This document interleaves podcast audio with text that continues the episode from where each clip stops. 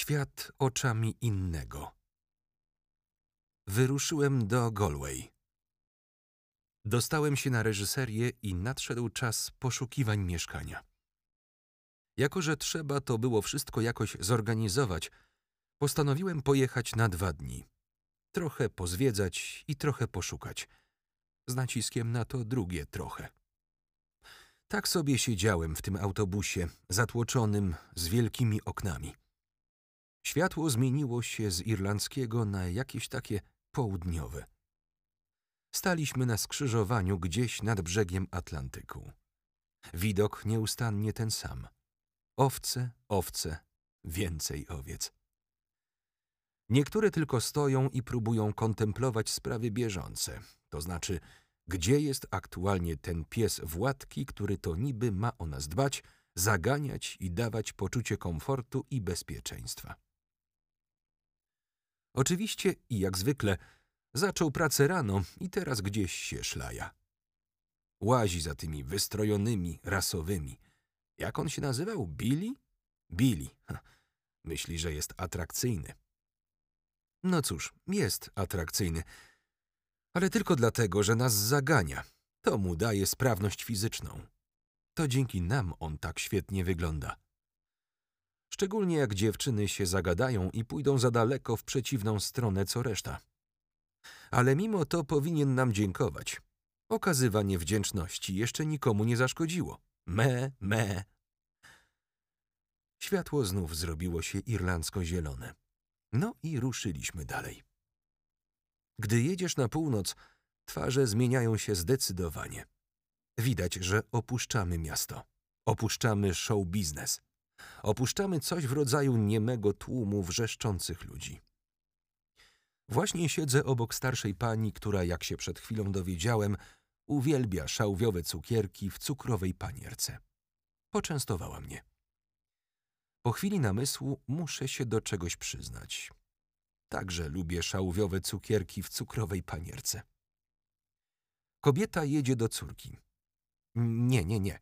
Nie urodziła jej się córka ani synek. Nie są to święta ani inna okoliczność, która z racji oczywistości relacji, akcji i reakcji narzucałaby potrzebę natychmiastowego przemieszczania się. Nie ma więc żadnego, ale to żadnego fizycznego powodu, akcja, reakcja, dla którego ta starsza pani jedzie. Po prostu jedzie. Jedzie i je cukierki. Teraz natomiast anyszkowe, których ja z kolei próbować nie chcę. Siedzę tak sobie i rozmowa toczy się tak naturalnie, jak naturalnie autokar toczy się z góry, na którą wspinaliśmy się przez ostatnie dziesięć minut.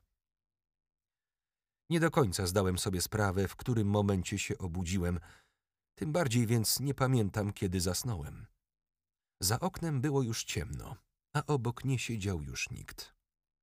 Za mną siedziała jakaś para zakochana i wtulona w siebie. Spali oboje.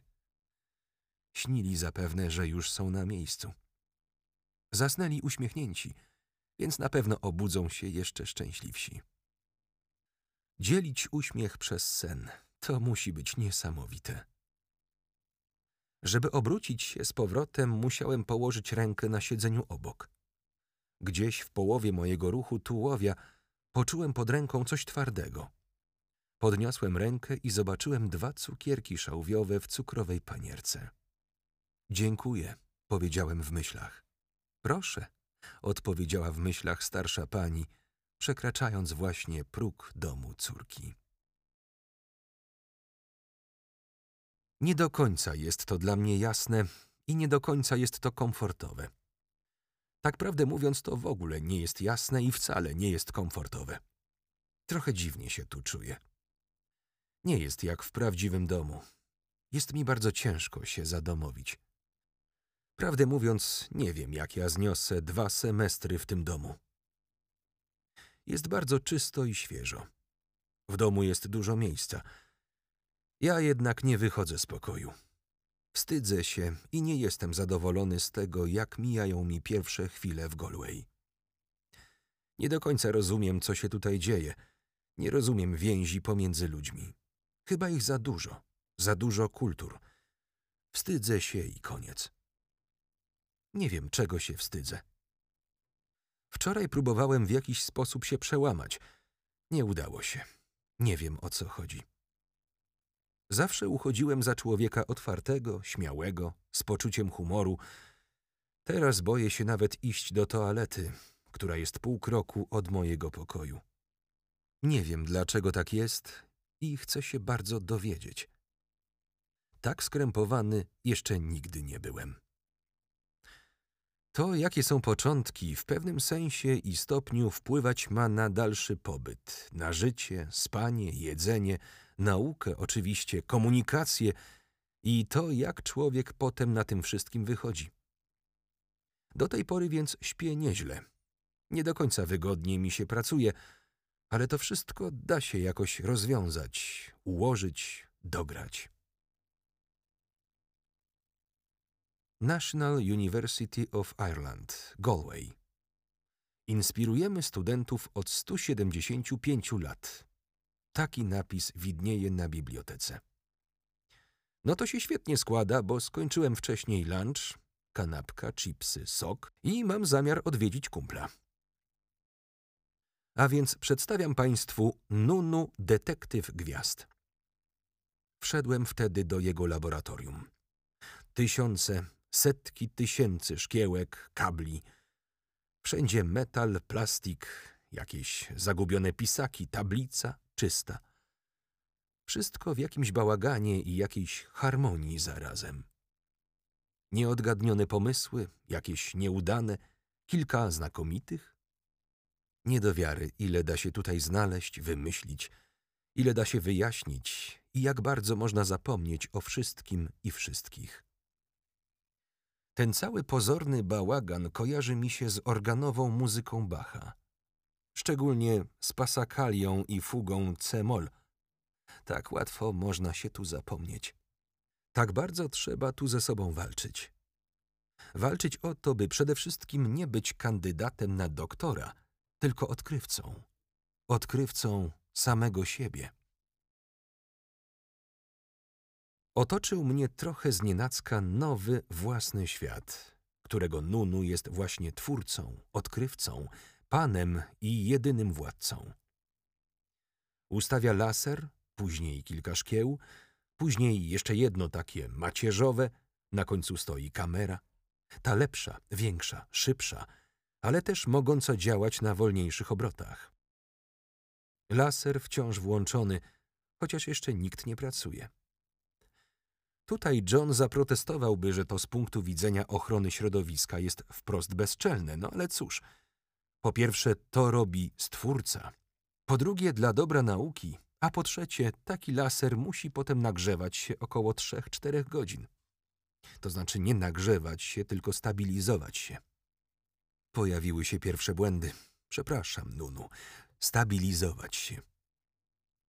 Całe to przedsięwzięcie po to, by zbadać, jak zachowuje się gwiazda i jej energia w zderzeniu z naszą ziemską atmosferą.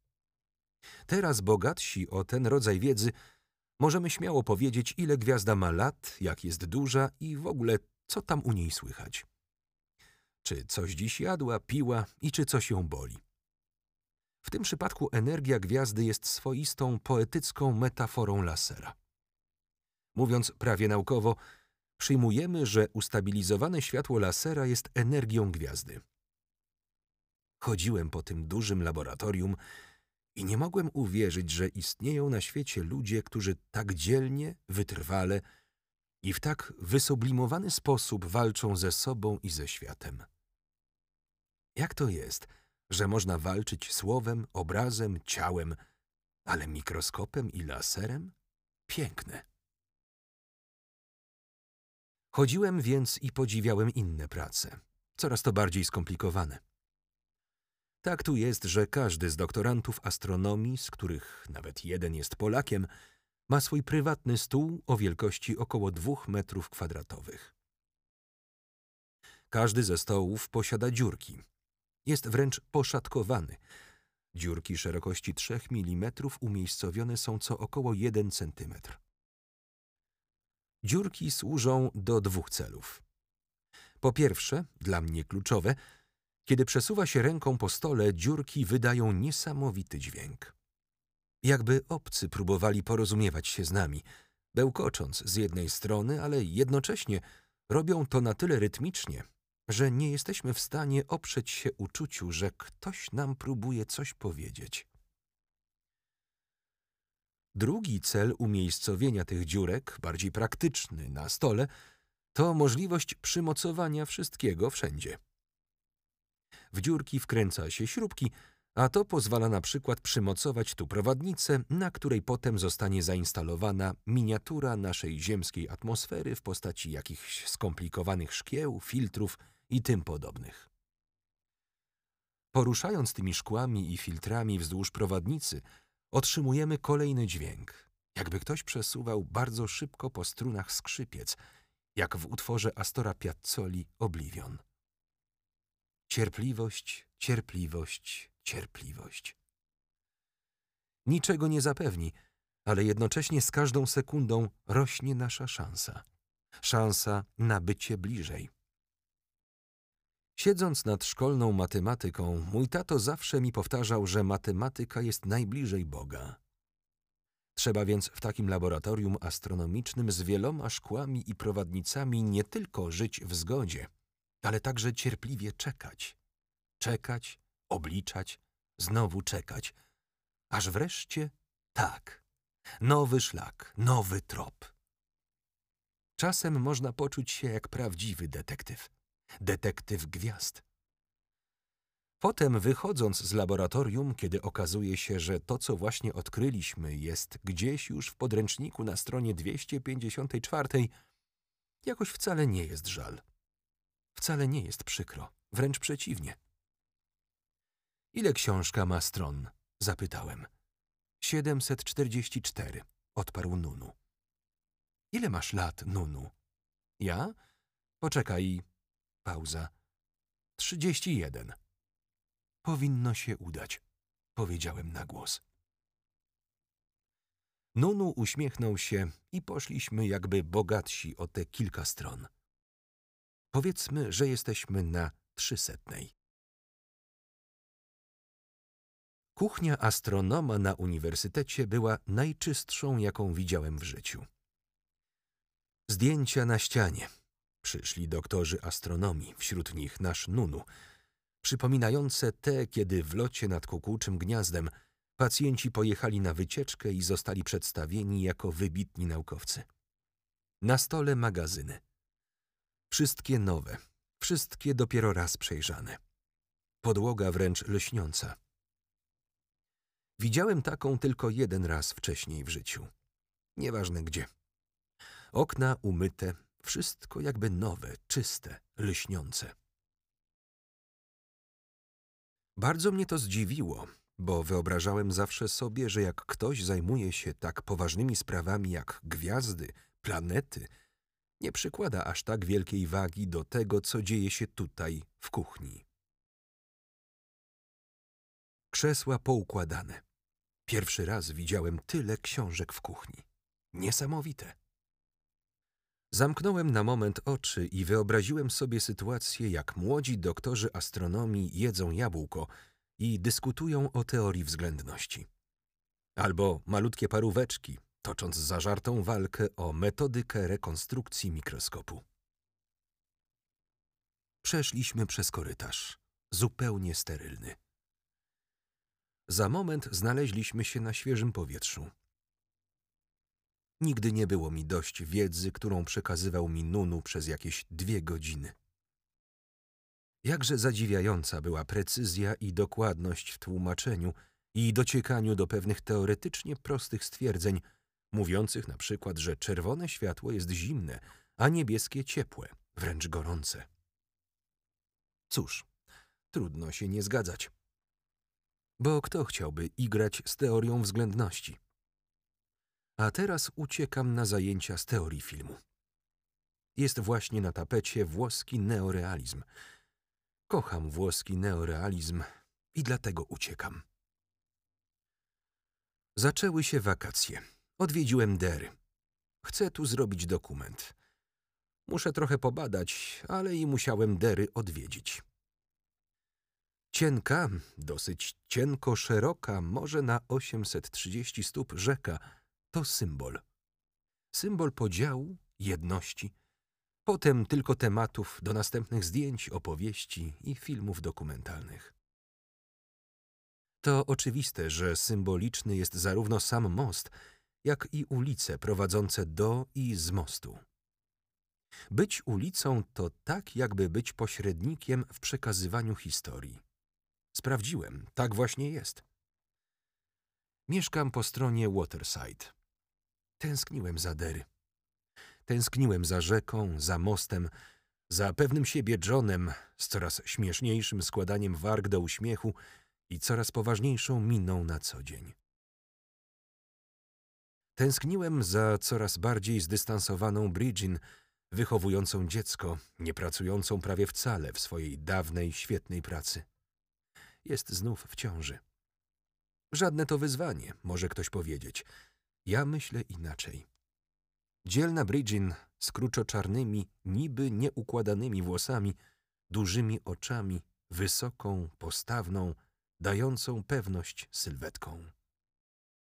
Tęsknić to coś rytualnego, niesamowitego, tajemniczego i dającego zupełnie inny wymiar do interpretacji zwykłych sytuacji. Zamykam dom, tęsknię. Otwieram, tęsknię jeszcze bardziej. Pusto. Cisza. Lodówka czeka. Ma sporo do opowiedzenia. O ptaku, który usiadł dziś na parapecie, o szmatce, która spadła z piekarnika, o tym, że jest jej coraz ciężej z tym szronem wewnątrz. Tęskniłem i tęskni nawet teraz za stawiającym już pierwsze kroki Darim.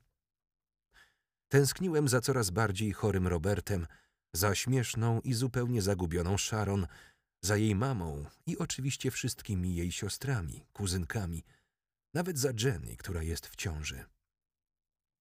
Wróciłem. Mam nowe miejsce, którego oczywiście tradycyjnie się boję. Mylę kolejny raz włącznik światła w kuchni i sprawdzam przed drugim dopiero snem, czy wszystkie drzwi, okna, przejścia są prawidłowo zamknięte. Mieszkam w domu. Mam coś w rodzaju ogródka, ciasne wyjście, stoją tam śmieci, zarośnięty krzakami, zabetonowany skrawek miejsca. To też trochę symboliczne. Zupełnie tak symboliczne jak widok z mojego okna na Rock Mills, gdzie mieszkałem dwa lata temu. To znaczy tylko tyle, że dwa lata temu miałem już widok, wtedy tylko widok na siebie samego dziś.